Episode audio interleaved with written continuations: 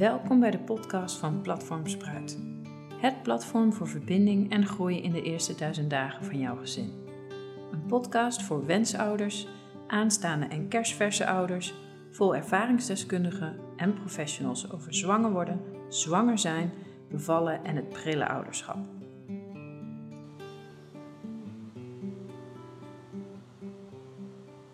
Hallo lieve luisteraars, mijn naam is Celine Romein en ik ga weer in gesprek met een leuke gast. Het thema van deze maand is de zwangerschap en vandaag heb ik Bianca Gerritsen uitgenodigd. Bianca is naast mijn collega in Platform Spruit, want wij vormen samen het bestuur. Uh, is ze ook moeder van zes kinderen, geboortehealer en geboortecoach. Uh, oftewel een ervaringsdeskundige bij uitstek. Hallo Bianca. Hallo. Uh, wat betekent het thema zwangerschap voor jou? Nou, dat is wel een groot thema, zwangerschap. Maar wat voor mij betekent is, um, nou, als moeder zijnde, een periode die heel bijzonder is, maar waar je, zeker als je er meerdere hebt, vaak te weinig bij stilstaat. Uh, en als geboortehealer en coach is het een periode dat ik de mensen heel graag help om die periode juist bewust te beleven en zich op een fijne manier voor te bereiden op de bevalling. Want daar zitten nog vaak wat angsten aan vast. En zwangerschap is bij uitstek een periode waar je een transformatie kan uh, ondergaan. Want jij wordt ook geboren als moeder. Ja. ja, het is inderdaad echt een enorm thema. Ja. Het is een, een, een soort van, uh, ja, een soort poort die je doorgaat van negen maanden lang. Ja, en of je nou voor de eerste keer of voor de zesde keer moeder wordt, het blijft toch echt een transformatie. Ja. Ja. Want hoe uh, um, heb je het zo in alle zwangerschappen zien veranderen? Was de eerste heel anders dan de andere? Ja, bij de eerste weet je nog helemaal niks en is alles nieuw. Dat maakt het van de ene kant heel bijzonder en van de andere kant ook extra onzeker. Ja. En bij, uh, ja, bij de zesde is het allemaal uh, gewoon. In de zin van, we weten hoe het werkt. We weten dat we de rust moeten pakken. We weten dat ontspanning belangrijk is. En um, ja, dan is het voorbereiden op de bevalling minder belangrijk bij een zesde, want dan weet, ja, dan weet je wel hoe het werkt. Ja, inderdaad. Al is elke bevalling natuurlijk anders, maar ja. je kent dan je lijf goed. En, exact. Je ja. kunt er erg vertrouwen, dus die angsten zijn er niet. Ja. Dus dat is wel anders. Maar eigenlijk zeg je daarmee dat um, de eerste is dan heel speciaal, maar ook onzeker. Ja. En van de andere kun je wat meer genieten eigenlijk. nou, genieten. Je zou wat meer kunnen genieten, maar omdat het dan wat gewoner wordt en er al kinderen rondlopen, vergeet je te genieten. Ja. Het gaat vaak voorbij. Dat je denkt, oh ja, goh, ik ben al 20 weken zwanger. Ik heb ook heel bewust bij verschillende zwangerschappen een cursus gedaan om gewoon een uur in de week of twee uur in de week bewust zwanger te zijn. Je zwanger te voelen. Ja, dat. Ja. En met omringen met andere zwangeren. Ja. Ja. en hoe vond je dat, om die cursus te doen met andere zwangeren? De meesten doen het in hun eerste zwangerschap, dus je zit toch uh, met allemaal uh, aanstaande moeders. Oh, ik vond het heerlijk. Maar misschien dat ik...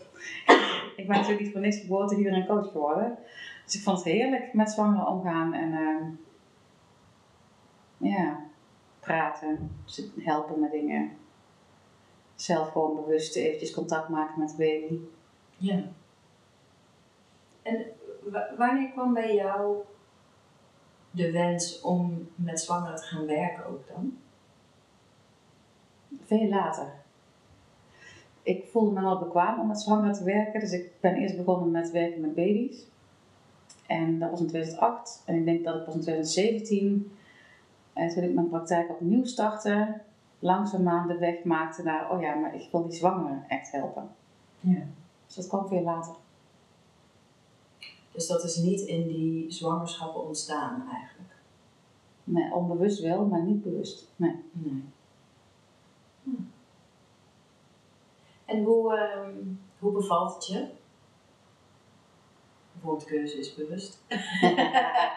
Hoe bevalt het je nu om met zwanger te werken? Oh, ik vind het heerlijk. Ik vind het prachtig om te zien hoe, en vooral bij, de, bij mensen die voor het eerst zwanger zijn, om dan te, te zien hoe de onzekerheid en de angsten en de angst voor de pijn, en voor een knip of voor al die andere dingen die kunnen gebeuren bij een bevalling, langzaam omdraaien naar vertrouwen en naar je krachtig voelen en een vertrouwen op je lijf, vertrouwen op jezelf en gewoon zin hebben in de bevalling.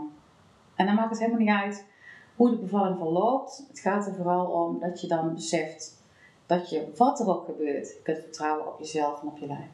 Ja. En dat is zo mooi om te zien. Zo tijdens die zwangerschap al, dat de, ja, dat, wa- want die angst zit ook wel meer in het hoofd, denk ik. Exact. Alles wat je bedenkt en wat je gezien hebt op televisie of de verhalen die je hebt gehoord van vriendinnen. En dan eh, dat vertrouwen komt toch meer uit je buik. Ja, dat en eh, filmpjes kijken die eh, wat meer waarheidsgetrouw zijn, helpen zeker. Ja.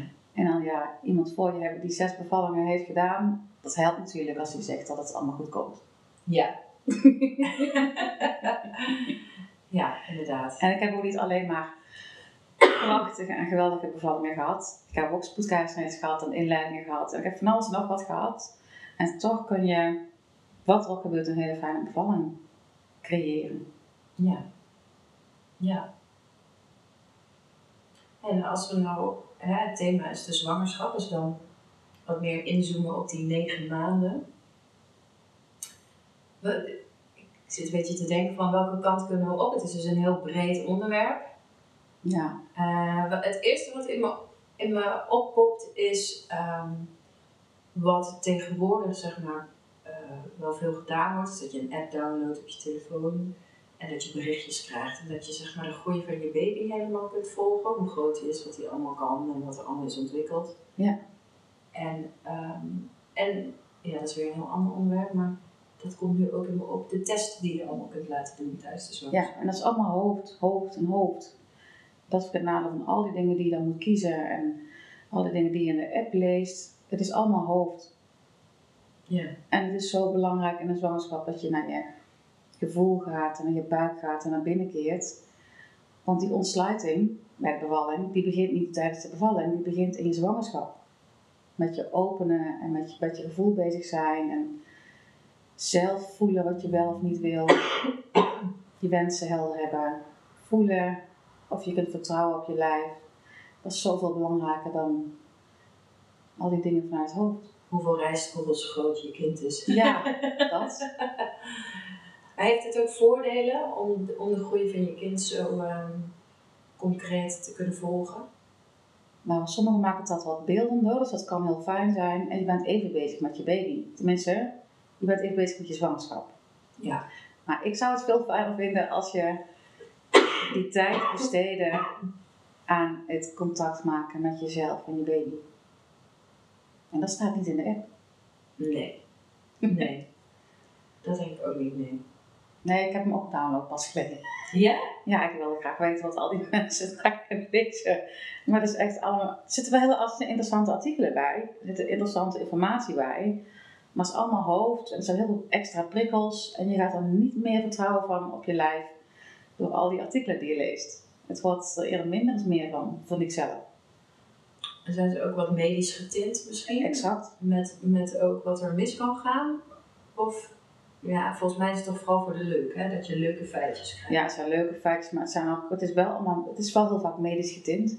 En vanuit één richting. Hè. Als je een grote baby hebt, dan moet je worden ingeleid. Als je diabetes Oh, hebt, dan moet je... Staat dat er ook in? Ja, ja. Dat staat er wel bij. Oh Dus het gaat wel uit van gewone protocollen. Oké. Ja, daar zijn wij niet zo van. Nou, wij, wij vinden dat je er ook van af mag wijken. Daarom heb je ook een protocol buiten de richtlijnen. Ja, precies. Dat is ook een protocol. Juist. Juist. Nou ja, wij vinden niet alleen dat je af mag wijken. hè. Ik bedoel, de wet is ook zo ingericht dat het Exact, exact. Alleen is er een, een kwestie van ehm, eh, onwennigheid. Ja, ja, zeker. Van Ja. zowel vrouwen als zorgverleners om eh, af te wijken van de norm. Ja, ja, maar je leert ook niet zo goed in de opleiding, begreep ik. Dus het is ook lastig om als zorgverlener eh, ineens te gaan vertrouwen op de moeder, of de aanstaande moeder. Terwijl dat eigenlijk wel is waar het om draait. Ja. Ja. En dan moet de moeder dat wel kunnen dragen. Dus het is niet zo dat voor elke moeder het geschikt is dat ze alles zelf mogen en willen kiezen. Sommige moeders willen dat niet en dat is helemaal prima. Maar voor de moeders die wel op zichzelf willen vertrouwen en op hun lijf, die, ja, die mogen de beste ruimte nemen en krijgen om het op een eigen manier te doen. Ja, ik zie het altijd zo. Als je geen keuzes wilt maken, dan kies je daarvoor. Dat is ook een keuze. Ja. Een keuze om uh, protocollen te volgen, zodat je zeker weet, oké, nou, uh, niks wordt nagelaten, overal wordt aan gedacht, er worden geen onnodige risico's genomen. En, uh, en daar voel ik me het fijnst bij. Maar dan is dat een keuze. Maar als je die keuze niet wil maken omdat je zegt, nou ja, one size doesn't fit all en ik moet gewoon, ja, bepaalde protocollen hebben op mij geen betrekking, zeg maar, omdat ik het anders wil of anders zie of mijn context is zo anders, dan moet het ook een keuze kunnen zijn. Absoluut. En letterlijk gezien is dat natuurlijk ook zo. Ja, maar dat is wel, het is onweinig nog. Ja. ja. Want er is een hoop veranderd hè, tijdens, uh, of in de zorg. Jij Ja. bent, uh, wanneer ben jij voor het laatst bevallen? Uh, bijna negen jaar geleden. Ja. Ja. Dus, en jij hebt over een tijdsbestek van...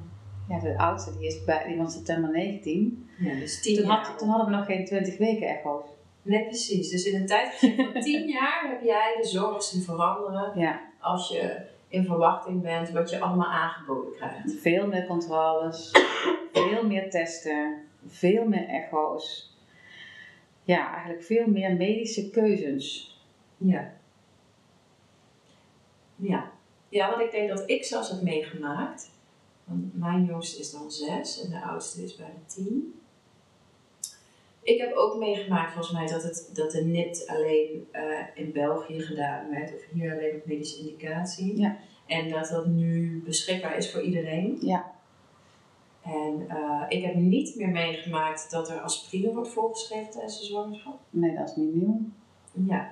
En vaccineren in de zwangerschap is ook nieuw. Oh ja, voor kinkhoest. Ja. Denk ik. Ja, het is natuurlijk DKTP, hè, dus niet alleen kinkhoest, maar oh, is het een volledige cocktail? altijd, want kinkhoest krijg je, niet apart verkrijgen. Oké. Okay. En nu hebben we natuurlijk uh, de vaccinaties voor uh, COVID. Ja.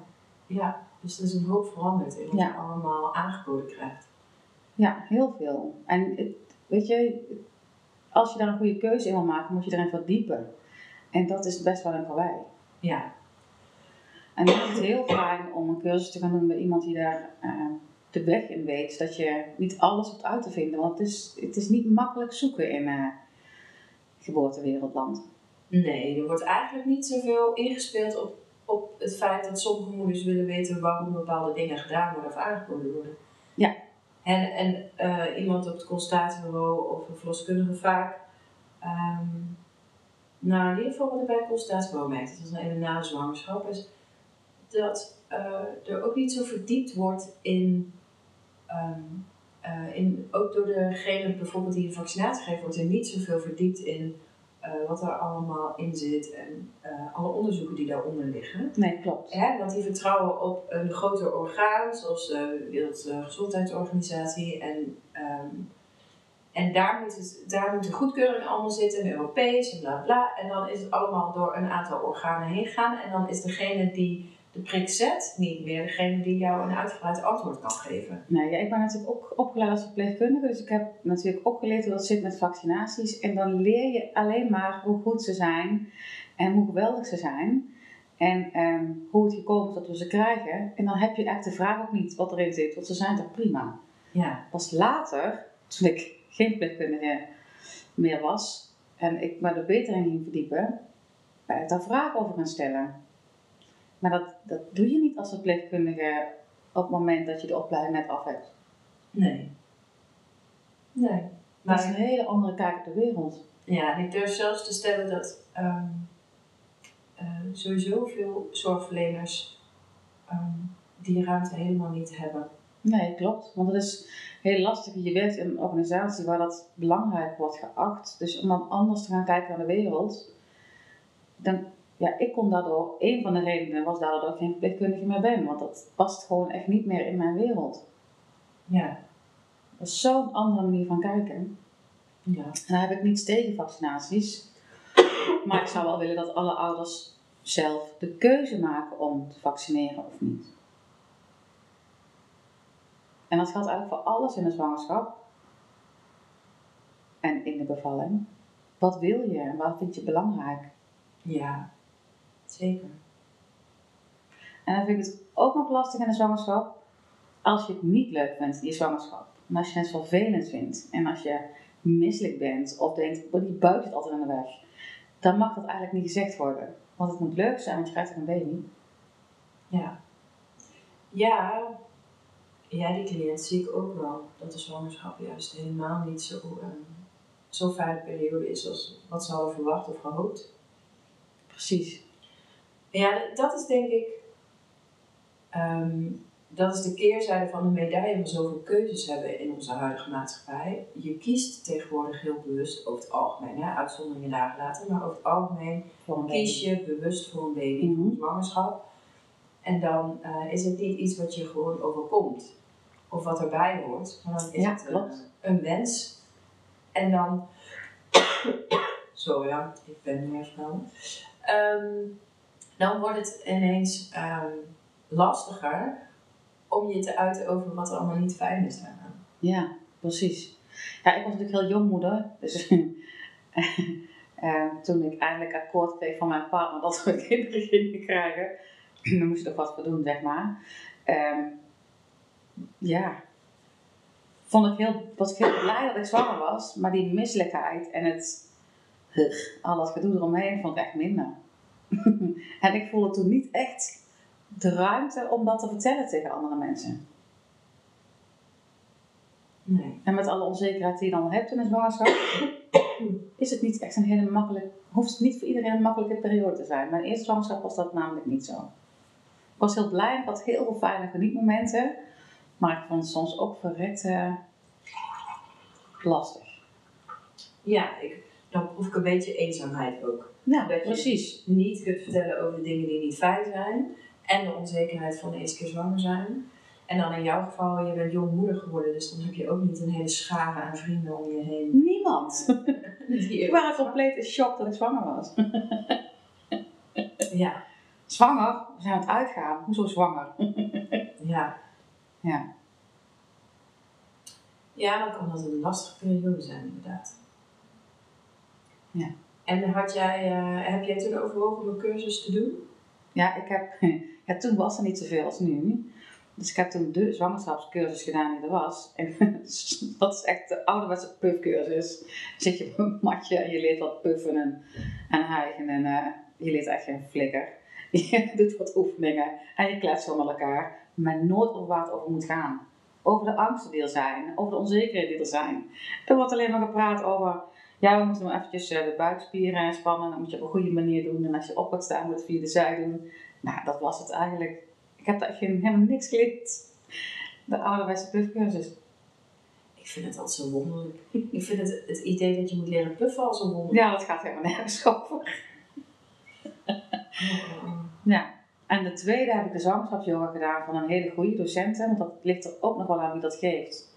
Dit was een hele fijne docent. Daar heb ik echt geleerd om te ontspannen en contact te maken met de baby op een andere manier dan ik al deed. En echt in, nou ja, naar binnen te keren.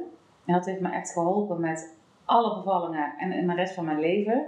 Deze manier van ontspannen. Dus die cursus heb ik daarna nog vaker gedaan. Niet allemaal bij dezelfde docent. Met ook minder eh, goede resultaten. Oké, dus dat is echt die docent die... eh, Ja, ik had één docent die ging, die ging vertellen hoe je moest eh, ademen vanuit je, je hoofd, zeg maar. Het, eh, die roos ademhalen. Het, nou, sorry, dat heb je helemaal niet nodig in een bevalling. Je gaat er fietsen, hè. Dan krijg je, dan krijg je hyperventilatie van. Maar zij ging in de binnenkant van de baarmoeder lopen. Nou, sorry, dat, dat gaat me echt te ver. Het was te, te vaag voor jou. Ja, die was echt te vaag voor mij, ja. Ja, En tegenwoordig heb je meer keuzes.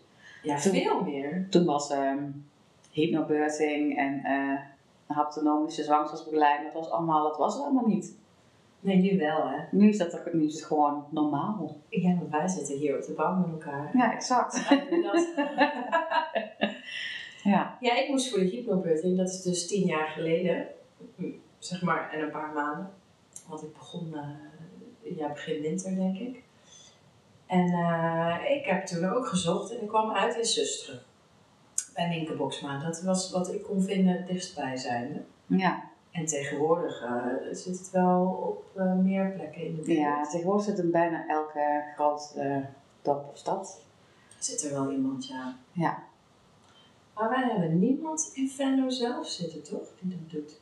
Hypnobirthing. Ja. Ja, ik doe natuurlijk hypnobirthing vanuit een Wonder Method. Dus dat, zijn, dat is een andere als de hypnobirthing, gewoon hypnobirthing. Oh, zo de Mary Morgan is toch de, de grondlegger van Ja, die is de grondlegger. En er zijn ehm, studenten die haar opleiding hebben gevolgd. Die hebben een nieuwe methode gemaakt die je in één dag kan doen. Oh, Of in twee avonden. oh, En dat is een andere methode, dat is weer een andere opleiding. oh. Dus er zijn dat is dan zonder- splitsingen. Ja, dat is dan zonder de hoofdletter B en zonder R'tje op het einde. Oké. Dus dat is dan het verschil. Maar ik, het, is, het is natuurlijk onmogelijk om 12 uur les die ik in een cursus geef, in één dag te doen of in twee avonden. Dus je krijgt natuurlijk dan gewoon andere, minder informatie. Ja. Ja. Ja. Eh, ja, we hebben nu ook hypnobirthing. Ja. Dat heb ik dus ook gevolgd. En als ik nu cliënten heb die aan mij vragen van, eh, eh, ik heb bijvoorbeeld iemand nu in begeleiding die zegt van ja, moet ik dan ook nog een hypnobirthing cursus doen? Zo, heeft dat dan zin? En dan tegenwoordig ben ik dan een beetje, tegenwoordig eigenlijk sinds ik eh, alle kinderen heb gekregen, dat ik denk, maar dat hoeft niet per se. Het is denk ik een super goede methode als je heel angstig bent en niet goed kunt ontspannen. Ik denk dat hypnobirthing dan echt de uitkomst is. En voor mij heeft het vooral mijn hele beeld van de geboortezorg en van de bevalling Ja. veranderd. En ik geloof dat ik dat zelf ook doe bij de cliënten en dat daar dan niet per se de hypnobirthing voor nodig is. Nee, ik denk dat ze bij jouw begeleiding hebben dat je geen hypnobirthing daarbuiten doet, want jij, jij covert dat stukje al. Wat ik het voordeel vind van hypnobirthing vergeleken met andere cursussen die ik ken, is dat je inderdaad anders leert kijken naar geboortezorg, dat je een andere kijk krijgt op je lijf en je baarmoeder en hoe de bevalling gaat. En dat je daar invloed op kunt uitoefenen. En dat je weet hoe je lijf werkt, want nou, ja, ik wist voor die cursus helemaal niet dat de baarmoeder zoveel verschillende spierlagen hadden Ja. en hoe het met elkaar samenwerkte. Ja. En dat maakt het voor je hoofd zo makkelijker om te kunnen ontspannen. Ja. Dus dat vond ik wel, wel fijn, dat begrip. En je leert gewoon anders omgaan met jezelf, met je lijf en met je baby. Omdat je met hypnobirthing leert dat je anders mag kijken. Dus je krijgt eigenlijk een soort van toestemming om te ontspannen en om voor jezelf te kiezen. Oh, dat zeg je mooi, ja. Ja, dat je dus, wat, wat ik merk bij cliënten soms, in een omgeving van allemaal andere moeders of hè, tantes, moeders van zichzelf, dat als zij een beetje willen afwijken van wat standaard is, Exact. dat ze zich een, eh, al heel snel een vreemde eend in de bijt voelen en gaan twijfelen aan hun instinctieve eh, voorkeuren, zeg maar. Precies. En, ehm, en dan heb ik het gewoon, eigenlijk heb ik het dan gewoon over natuurlijk ouderschap. Een kind bij je laten slapen, een kind dragen en niet in de wandelwagen doen, Ja. eh, lang voeden, dat soort dingen. en als je dan inderdaad via zo'n cursus ineens ontdekt dat er een volledige wereld van eh, mensen bestaat die op dezelfde manier naar kijken, dan voel je ineens, eh, oh, ik ben helemaal niet gek. Er zijn heel veel mensen en het is ook nog eens onderbouwd. Ja, exact. Dus je krijgt een toestemming van je hoofd om ook je lijf te mogen voelen en te voelen, oh ja, maar dit past wel bij mij of dit past niet bij mij. Dus dat, vond ik, dat vind ik zelf heel fijn aan hypnobirthing. Zeker bij de eerste. Ik had pas geleden bijvoorbeeld iemand die ehm, eh, heeft al meerdere kindjes en die wilde ook hypnobirthing, maar dan natuurlijk niet die hele cursus. En die komt dan een workshop doen. Ja. Ja. Ja, en eh, voor mij was het echt wereldveranderend om die filmpjes te zien. Ja, Dat- dat kan. Ja. dat kan zonder pijn. Dat kan zonder paniek. En vooral dat. En dat kan zonder je super angstig te voelen. En dat zelfs als er paniek of angst is, dat er iemand bij je staat die precies weet wat hij moet doen. Zodat je weer naar vertrouwen kunt gaan. Ja. Ja. Zo gaaf. eigenlijk is het soort een drie-eenheid, hè? papa, mama en de baby, of de zwangere partner en de baby. Ja. Genderneutraal en zo. Ja. Maar dat maakt het, die drie-eenheid is zo belangrijk. En als die eh, goed staat, als je die goed kan voelen, dan heb je eigenlijk niemand meer nodig. Daar zeg ik niet bij dat je geen verloskundige moet hebben. En dan heb je de verloskundige niet nodig in de zin van, die moet mij helpen. Om Die staat er dan te komen. Ja, die staat er dan gewoon bij om jou te begeleiden en om je te versterken in je gevoel en in je kwetsbaarheid, niet te vergeten. Want kwetsbaarheid zijn we allemaal tegen het einde van de zwangerschap en de bevalling. En die moet wel echt geëerd worden door je hulpverlener, anders dan voel je het alsnog alleen in die bevalling. En wil, je daar, wil je dat dus nog specifieker maken, die kwetsbaarheid? Ja, we worden allemaal heel kwetsbaar. Hoe, verder we naar richting de bevalling gaan, hoe meer we eigenlijk naar binnen mogen keren. En dat is denk ik ook wel een van de redenen dat je je kwetsbaar voelt. Dat je dus naar goed naar jezelf gaat luisteren. En als die door de hulpverlener niet geëerd wordt, dan ehm, voel je je afgebroken. Dan voel je je niet gezien en gehoord. En dan eh, durf je niet meer goed op jezelf te vertrouwen. En daarom geef ik graag hypnobeuting met de partner erbij zodat ze dat weten, dat dat heel vaak kan gebeuren. Zodat ze dan ook weten wat ze kunnen doen om een vrouw toch weer terug te zetten in die kracht die ze hebben. Want die is er ook. Het is en kwetsbaarheid en kracht. En hoe gaaf is het als je als partner die beide kunt zien en herkennen en ze daar ook weer in terug kan brengen. In die kwetsbaarheid. Want die zorgt ervoor dat je kunt openen en dat je baby soepel geboren wordt. Ja. Ja. Ja, ik heb er in mijn blog toen ook over geschreven. Hè? Dat je Ja. als zorgverlener heb je de taak om goed te zorgen voor de zwangere, of ja, de, de barende op dat moment. Ja. Want die heeft echt goede zorg nodig. Ja. Lekker drinken, eten als ze honger heeft, eh, lippenbalsem, een massage, hulp bij als een week pittig is, dat soort dingen. Ja. Maar tegelijkertijd ook eh, haar zien als een autonoom volwassen vrouw die heel goed weet wat haar lijf aan het doen is. Ja. En haar ehm, dus niet behandelen als een kind. Precies. Dat is het eigenlijk vooral. Ja. Dus heel goed verzorgen, dat kwetsbare stuk, maar ook eh, serieus nemen eh, en de autonomie van een vrouw. Ja, en als een vrouw zegt van dit gaat niet lukken, neem je dat meteen serieus. Maar als een vrouw zegt, oh ik weet het niet meer, dan zet je dat terug in de kracht. Dus, dus ja, natuurlijk altijd balanceren als hulpverlener en goed afstemmen en voelen wat er aan de hand is. Ja, en daarom is het ook zo fijn dat je iemand goed leert kennen. Precies. En dat je niet als vreemde zorgverlener een vreemde vrouw voor je hebt. Want dan kun je helemaal niet goed inschatten waar een opmerking als eh, het lukt niet, waar die vandaan komt. Exact. Of En, dan, serieus, en dat gaat ten koste van de veiligheid en dat is wat je nodig hebt om soepel te bevallen. Ja, precies. Maar dat is ook wat je nodig hebt in de zwangerschap zelf. Dat je een verloskundige voor je hebt die jou vertrouwt en die jou bekrachtigt in jouw keuzes. Ja, ja.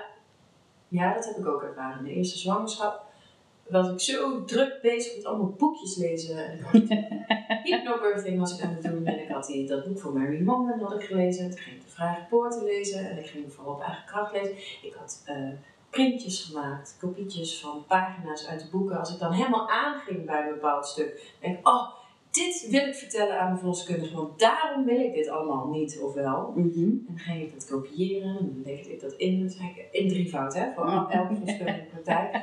Zodat het ook niet daar nog, eh, ja, hij lag bij die thuis, dus ik heb Ja. het niet. Nee, ik voor ieder eentje, omdat ik het zo belangrijk vond, maar dat kwam ook omdat ik me niet ehm, helemaal serieus genomen voelde, omdat ze mij nog niet kenden. Ik was voor de eerste keer zwanger. Ik weet nog dat er eentje tegen me zei: "Nou, Ga eerst nou maar eens gewoon bevallen. Hè? En dan kunnen we het hebben over eh, hoe het allemaal gaat en wat je er allemaal van vindt. Ik dacht: Nee, nee, nee, nee, nee, nee. Ik wil nu al Ja, afspreken wat ik allemaal wel en niet wil. En dat, dat was gewoon ook eh, nieuw voor Ja. ze. het is nog steeds wel nieuw om, om bijzondere wensen voor de 30 weken te bespreken. hè. Het is toch normaal om met 30 weken je bevalwensen te Ja. bespreken. En ik zeg tegen mijn klanten altijd, doe het nou met 20 weken, want dan kun je nog switchen als je dat nodig vindt. Ja. Want met 30 weken wil je al die stress niet meer, voel je je super kwetsbaar en dan wil je die discussies niet meer. Dus ik weet dat er verschillende loskundige praktijken in de stad dat wel doen. Die beginnen al met 12 weken. Dan wat zijn je wensen? Ik zou zeggen, echt met 20 weken is het de uiterste datum om het daarover te hebben.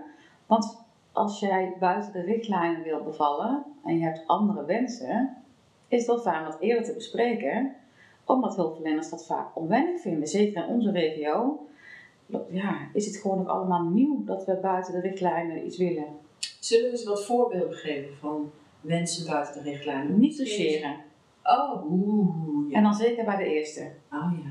Dat is, gewoon, dat is bijna onmogelijk, want jij weet het niet. En ik weet het wel, dus ik wil je doseren. Ja.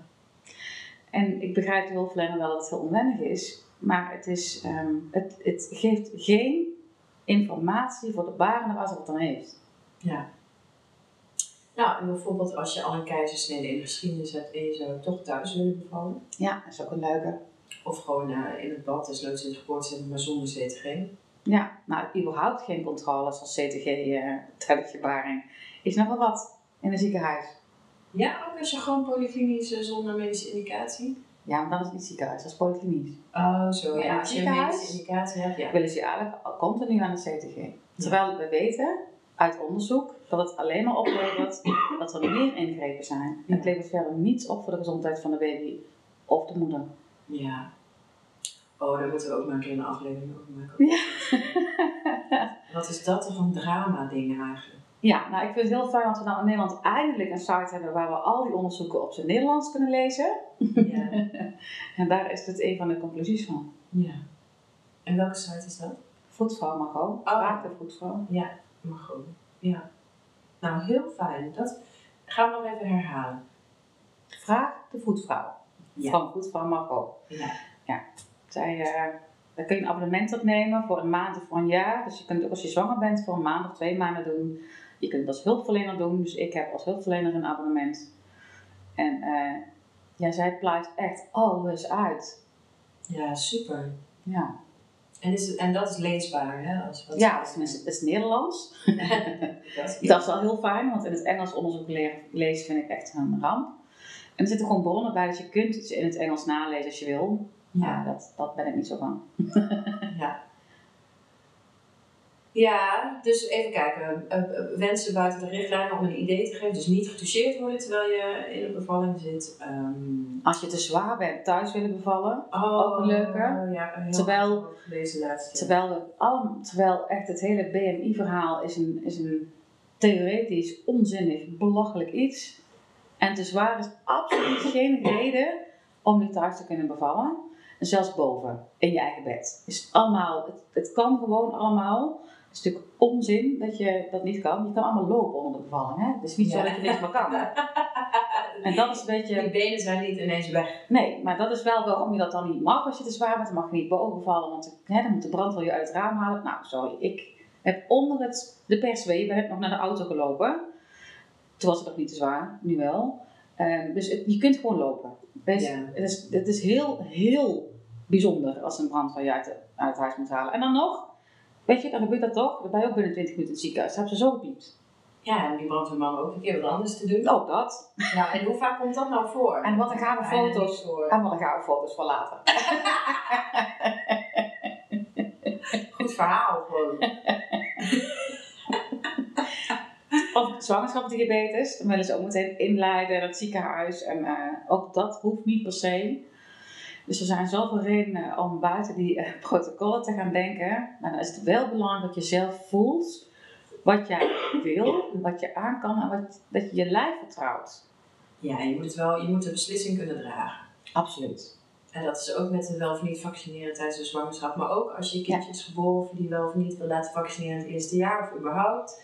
Ja. Als je die keuze maakt, dan moet je die wel kunnen dragen. Als je dan een keer hoge koorts krijgt, moet je niet in paniek raken omdat je de vaccinaties nog niet hebt gegeven. Precies. En ook, uh, ja, dus dat, dat zijn altijd afwegingen die ja, een ieder moet maken. En het is nooit goed of fout. En dat vind ik ook altijd lastig in de hele geboortewereld. Um, we hebben toch een beetje het krabbenmand-effect tussen vrouwen. Hè? Als je dan anders denkt, dan word je teruggehaald in die mand. Want je, hallo, we moeten allemaal hetzelfde zijn. Daar mogen we echt wel van af. We mogen die krabbenmand wel een keer omgooien.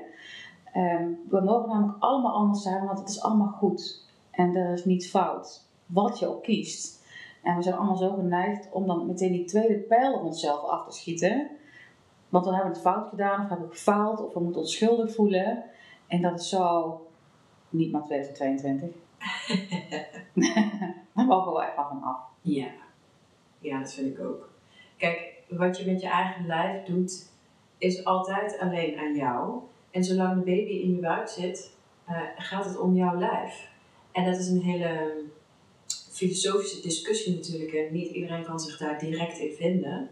En soms, ja, dat heeft ook wel een beetje wennen aan dat idee nodig. Ja. En, uh, uh, ja, de, de, de context daaromheen. En, hè, maar het is, linksom of rechtsom, is dat wel zo. Of je moet echt vinden dat um, baby's beschermd moeten worden tegen hun moeder. Nou, dat is in 99 van 100 uh, gevallen echt niet het geval. Nee. Wat die moeder wil, is meestal in het belang van het kind. Want Zeker. Is, uh, naast de partner, ik denk als het kind nog niet geboren is, dat eigenlijk de moeder degene is die het meest belang heeft bij het welzijn van het kind. Absoluut. Want die is toch uh, die is het meest verbonden met het kind. En uh, soms lijkt het wel als wanneer een vrouw wens heeft buiten de richtlijn, alsof ze tegen het belang van haar kind inkiest. Precies. En daar moeten we vanaf. Ja, zeker. Dat idee. En ook wat ik heel belangrijk vind, 42 weken zwangerschap betekent niet dat je placenta stopt met werken. Of dat je houdbaarheidsdatum is verlopen. Nee. Vroeger gingen we ook door met 43 weken. Ik bedoel, toen hadden we namelijk niet zo'n echo's. En hadden we ook geen goede echo's. En wisten we geen precieze datum. En bevielen we ergens in die maand. Dus we wisten helemaal niet of we bevielen met 40, 41, 42, 43 of 44 weken. Nee, en zo'n termijn-echo met 14 weken zeggen ze dat die op de millimeter nauwkeurig is en dat ze daar echt heel goed de conceptiedatum mee vast kunnen stellen. Maar er zijn natuurlijk ook mensen die met IVF zwanger zijn geraakt en die gewoon heel goed zelf de datum weten. En dat wijkt dan toch af van die uh, termijn-echo. En dan denk je, ja, dat is allemaal niet zo belangrijk. Nou, wacht maar totdat je 41,4 zwanger bent. Precies. En dan een protocol uitgerold wordt over je lijf. En je in een inleiding zit die niet werkt, terwijl je achteraf gezien misschien wel pas 40 weken zwanger was. Ja, daarom speelde ik wel met die datum na de tweede, toen ik begreep hoe dat werkte. Ik was namelijk altijd de conceptiedatum, want ik hield elke dag mijn temperatuur bij en zo. En uh, dus ik wist de conceptiedatum. dus ik speelde met die datum, ik zette hem een week eerder of later, zodat het beter uitkwam met langer doorkomen met de zwangerschap. ja. Ja. Ja, en goed, dat moet bij je passen. Hè. Sommige mensen ja, vinden het super spannend. Ja, er is ooit zo'n onderzoek geweest um, uh, in Zweden dat ze um, twee groepen vergeleken. De ene uh, liep door tot de 42 weken, de andere leidde ze in met de 41 weken. Om, want nu is het 42 weken dat ze echt willen inleiden, maar ze gingen eigenlijk gewoon onderzoeken of 41 weken niet beter is. En dat hebben ze gestaakt en het stond in alle kranten, want er waren al te veel baby's overleden in die groep die doorliep tot de 42 weken. Waardoor er een beeld is geschept dat het ontzettend gevaarlijk is om meer dan 41 weken zwanger te zijn. Maar ja, en als dat um, voor jou ook echt zo voelt, dan moet je dat gewoon. Uh, en het veiliger voelt om je in te laten leiden, is dat echt helemaal prima. Maar er zijn ook mensen, ik heb ook cliënten gehad die bijvoorbeeld uh, in de vrouwenlijn uh, lange zwangerschappen hadden. En dan zul je nooit een heel korte zwangerschap zelf hebben, of er moet iets misgaan. Nee, precies. Dus dan is het genetisch bepaald dat je placenta het langer doet en je kind wat langer ligt in de buik, dus je wat langer zwanger Nou, het is sowieso gemiddelde zwangerschapsduur van de, bij de eerste zwangerschap is 41 weken en 3 dagen. Ja, dan voelt 42 weken ineens helemaal niet meer zo lang, hè? Exact. Maar als je weet dat dat gemiddeld 41 weken en 3 dagen is, dan ga dan alsjeblieft niet denken dat je met 38 weken gaat bevallen. Zet je dan die datum nog op 42 weken. Ja. En dan mag je overheen. Ja, maar ja, iedereen spreekt over te laat. Ja. Te vroeg. En, en maar ook de verloskundigen. Ze beginnen dan met, dan willen ze extra controles, dan willen ze extra dossiers, dan willen ze, dan willen ze van alles doen. Terwijl als je gewoon niets doet en afwacht, de veiligheid veel hoger blijft. En de kans dat je natuurlijk bevalt dus ook veel hoger is. Ja. Ja. Ja, daar, kunnen we daar gaan we ook een keer een podcast over inleiden. Dat wordt ook een keer over de placenta, is ook leuk. ja. En als je hier meer over wil weten, uh, um, ja, is dat, eigenlijk is dat natuurlijk een beetje raar, maar um, er is een podcast, de Verloscase, en die gaat ook over al dit soort thema's. Als je echt wil voorbereiden en wil weten wat interventies doen en de onderzoeken daaronder, dan uh, is de Verloscase ook echt een aanrader. En, uh, ja, en ook Voedvrouw Marot op Instagram, die heeft heel veel lives gegeven. Het is ook heel fijn om te kijken. Ja. Ook bijvoorbeeld je BMI die te hoog is en zwanger zijn of uh, een keizersnede in anamnese. en dan ook onderzoek, on, met onderbouwd met onderzoeken. Ja, Dat waar. ja zeker. En vergeet niet, hè, mocht je wensen buiten de richtlijnen hebben, dat jij in principe niet degene bent die met onderzoek hoeft te komen om je keuze te onderbouwen. Precies. Wettelijk gezien heeft je zorgverlener de plicht om zijn of haar keuze te onderbouwen met onderzoek. En daarop mag jij je keuze maken en dat heet informed consent. Dus Precies. dat we dat even helder hebben. Ja, exact. Want je zou bijna denken dat jij de verloskundige moet overtuigen. Dat is eigenlijk niet de bedoeling. Je, bent gewoon, je zegt gewoon ja of nee. En als het nee is, is het nee. En als het ja is, is het ja. Ja, daar moet de verloskundige mee dealen. En een verloskundige kan hulp inroepen. Je hebt de geboortebeweging met verloskundigen die kunnen helpen. Maar je hebt ook eh EVA, geloof ik. Daar zitten verloskundigen die je kunnen helpen. Dus ook een verloskundige kan gewoon hulp roep, bijroepen om zich zeker te voelen, om jou bij te staan. En niet jij degene bent die dan moet zorgen dat de verloskundige zich fijn voelt. ja, ja. Heel belangrijk. Ik zeg ook altijd tegen mijn cliënten, je bent gewoon de klant, hè. Je betaalt de zorgverzekering en die betaalt uiteindelijk eh, de kosten die de verloskundige en, eh, en het ziekenhuis eventueel maken in de zorg voor jou. Maar jij bent eigenlijk gewoon de klant. Je loopt in principe, even heel cru gezegd, de winkel binnen en er is een aanbod en je kiest ja of nee of je loopt de deur uit. Ja, precies. En je kiest wat jou past. En aan sommige dingen zitten wel voorwaarden. Hè? Je, je, je mag bijvoorbeeld niet één schoen kopen. Dan, die moet je in een paar kopen. Hè? Ja. Dus ik heb meegemaakt met een cliënt, ze wilde pijnstilling, maar daarvoor moest wel een hartfilmpje gemaakt worden. Dus de, hè, ze geven een bepaalde pijnstilling niet als de conditie van het kind in hun ogen nog niet zeker gesteld is. Nou oké, dus dat is een pakket wat je afneemt. Je kunt niet zeggen wel de pijnstilling, maar niet eh meting van het hart, bijvoorbeeld. Hè? Exact. Maar ehm, ja, je mag altijd een interventie weigeren. Absoluut. Afdwingen is moeilijker. Je kunt niet zeggen, ik wil dat je nu... Een keizersnede doet. Ja, Nee, dat kan allemaal niet. nee. Maar als je dat vooraf bespreekt, is het natuurlijk wel heel onmogelijk. Als je een geplande keizersnede wilt. Nou, dat is dat is wel heel lastig. Dus ik heb het meegemaakt bij onze laatste. Ik wist dat een keizersnede moest worden en waar ik het gevoel vandaan haalde, dat weet ik niet. Maar ik droomde er zelfs over. En daar wou ik de gynaecoloog echt niet in meegaan. En dan zei ik, prima, we beginnen met vaginaal en we eindigen in de keizersnede. en dat gebeurde ook zo. Dus eh, we zijn normaal begonnen. En eh, de gynaecoloog die toen dienst had, die eh, was wel zo aardig om te zeggen, ik kom er van uur terug. Is het dan hetzelfde, dan gaan we dat doen. En die kwam gelukkig drie kwartier later al terug. En dat werd een geplande keizersnede. En dat was zo helend en zo fijn. En ehm ehm, het was een prachtige geboorte. Dat was echt helemaal prachtig. Dus ik heb er geen spijt van dat ze is gelopen als ze is gelopen. En ik denk dat mijn zoon deze patronen ook nodig heeft om te groeien. Dus het is helemaal precies zoals het moest zijn. Ja. Ja, dus dat is wat moeilijker, maar ook dan is er wel veel mogelijk, denk Ja. ik. Als je dat goed op tijd aangeeft in je zwangerschap. Ja.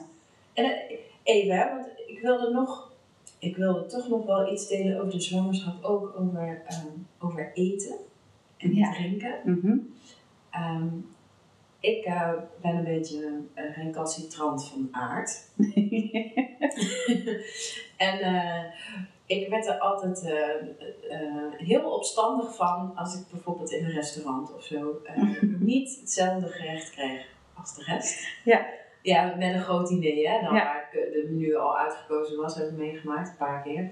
En eh, dan, dan kreeg ik iets anders, omdat eh rauwe zalm of eh een Ja. biefstukje, dat, ja, dat was dan. Ja. En dat vond ik zo vervelend. Maar ik vind het zo bullshit, sorry. ik ben de eerste deed het ook allemaal netjes en dan krijg je in plaats van een lekker biefstuk schoen, schoen te eten, want dat smaakt ook allemaal niet. Ehm, nee, ik ben er gewoon mee gestopt. Ik denk, wat je, wat je normaal gesproken eet, kun je ook in de tijdens de zwangerschap eten. We wonen in, in Nederland, hè. ik bedoel, hier is het best goed gesteld met ons voedsel. Ik heb me daar verder nooit rekening mee gehouden. Ja, dat telefoontje. Ja, altijd handig. Dus ik heb daar nooit rekening mee gehouden. Ik, eh, ja, bij de eerste dan wel en daarna nooit meer, want ik dacht ik echt geen zin in. Ik vind het gewoon, als ik behoefte heb in mijn zwangerschap aan wat rood vlees, dan denk ik dat dat nodig is. En als je behoefte hebt aan vis, dan denk ik dat je lijf dat nodig heeft. We hebben niet voor niks rare smaakideeën als we zwanger zijn. Soms heeft je lijf wat nodig. Ja, want ik, eh, mijn man is vegetariër en ik kook ook altijd vegetarisch daardoor. Maar ik weet dat ik in de zwangerschappen echt veel meer vis ben gaan eten en af en toe vlees. Omdat ik voelde, eh, ik had daar zo zin in. En ik vind dat ook gewoon heel lekker. Het is puur uit principe dat ik het niet maak. Omdat ik, ja, ik ben wel sympathisant in die zin dat ik ook niet uh, eraan mee wil doen. Maar ik krijg er zo zin in dat ik dacht, ja, ik denk dat mijn lijf gewoon iets wil hebben nu. Ja, exact. En daar gaf ik gewoon, uh, ja, daar gaf ik aan toe. Ja, heel goed ook. En ik vond het zo grappig toen ik gesprek had met mensen uit andere landen, uit Italië en Spanje, over wat er allemaal wel en niet gegeten mag worden in de zwangerschap. Uh, dat echt mijn oren stonden te flappen, want er zijn hele andere producten die in andere landen worden afgeraden of die je juist wel zou moeten eten. Ja. En toen dacht ik, hè? Dat komt helemaal niet overeen. Nee. Het is bijna een cultureel iets. Is dat, het wel? dat het echt uh, heel wetenschappelijk Ja, maar is. ik denk dat in de geboortezorg bijna alles wordt gedaan vanuit uh, zekerheden en angst. Um, als er één kindje overlijdt aan het feit dat die moeder misschien wel rauwe melk of rauw vlees of zo gegeten heeft, dan moet er zo niemand het maar eten. Ja. En uh, dat is een beetje overtrokken. Ja. Het is allemaal vanuit angst. En dat, we moeten juist vanuit vertrouwen um, dingen beslissen, niet vanuit angst. Ja, kijk, en als er collectief heel veel zwangerschappen misgaan en we komen erachter dat dat komt door een bepaald product wat we in onze voeding hebben. En, en dat je dan iedereen waarschuwt en zegt dat moeten we echt vermijden, want daar komt heel veel leed van af. Ja, dan snap ik dat ook wel. Klopt. Maar ik, ik, ik heb echt, nou ja, nog nooit gehoord van een zwangerschap die misging vanwege het eten van bepaalde producten. Ik ook niet, maar het is misschien één keer voorgekomen en dan krijg je zo'n regels. En die gaan dan ook maar uit. Ja. Ja, en, en je wordt dan ook raar aangekeken als je stuk voor in je mond steekt. Ja, dat wel, Op een openbare plek, zeg maar. Of was bij een opening. En mensen keken me echt weer. En ik, ik, nou, ik heb het bijna in slow motion in mijn mond gestoken. Met die persoon aankijken van kijk, mij dit nou eten. Ja. Ja, Ja, maar dat is eigenlijk hetzelfde als de mythe dat je geen kruid eten moet eten als je borstvoeding geeft. Als je het altijd doet, kun je het met borstvoeding ook doen. ja. Als je lijf iets nodig heeft, moet je het gewoon nemen. Nou, als je het gewoon heel lekker vindt en het zit in jouw, uh, in jouw uh, uh, repertoire van gerechten, ja. zeg maar. Ik, ik, toen mij dat werd verteld, dacht ik, huh? Zouden mensen in Indonesië dan gewoon ineens minder pittig eten omdat Nee. ze beetje hebben gekregen? Vraag me af, hè? ik weet het ook niet. Maar ik dacht, nou, ik kan me dat niet voorstellen eigenlijk. Nee, is ook niet zo. Maar het vruchtwater smaakt namelijk ook al hè, naar je eten. Dus Ja, op het moment dat jij in de zwangerschap al die dingen eet, dan zal je borstvoeding net zo smaken als het vruchtwater. En een beetje kruidig. Geen probleem. Nee, lijkt me ook echt niet. Daar krijg je geen darmkrampjes van of zo. Dat is echt, dat dat is een mythe. Nee, nou, goed, dat. Dan denk ik nog eerder dat we voorzichtig moeten zijn met koemelkproducten als je borstvoeding geeft. Omdat Precies. de kans op een koemelkallergie is wel groot. ja, maar dat komt ook wel door eh, de zwangerschap. In de zin van darmkrampjes en koemelkallergie hebben heel veel te maken met dingen verwerken. Wat kunnen wij niet verwerken en wat gaat ons kind hierin spiegelen? En eh, je kunt niet alles oplossen door op die manier te gaan kijken, maar wel heel veel. Ik heb al heel veel babytjes met darmkrampjes en eh dreigende koelmelkallergieën en eh, overgevoeligheden. Alleen maar door kijken naar het geboorteverhaal wat moeder niet kan verwerken, wat de baby niet kan verwerken. Door daarna te gaan kijken waar ineens de krampjes verdwenen. Ah, door dingen te erkennen. Ja. Pijn die er zit, erkennen. En een echte allergie krijg je niet zo makkelijk weg. Maar ook dat is een signaal. En je kan wel een, al- een allergie heb je of heb je niet, zeggen ze altijd. En toch kun je daar een klein beetje in eh, sturen. Oké. Weer een thema. In overgevoeligheid kun je alles sturen. Dat heeft echt te maken met de emotie die erachter zit. Oké. Nou, mocht je dit nou een heel interessant thema vinden, eh, Bianca Gerritsen kun je ook gewoon vinden. Ja, exact. nou, ik ben, Vanuit je start. en ik ben ook een cursus aan het maken hierover. Over baby's en wat je kan verwachten. En hoe je ze kunt benaderen en hoe je ze kunt helpen. Dus Mooi. Ja.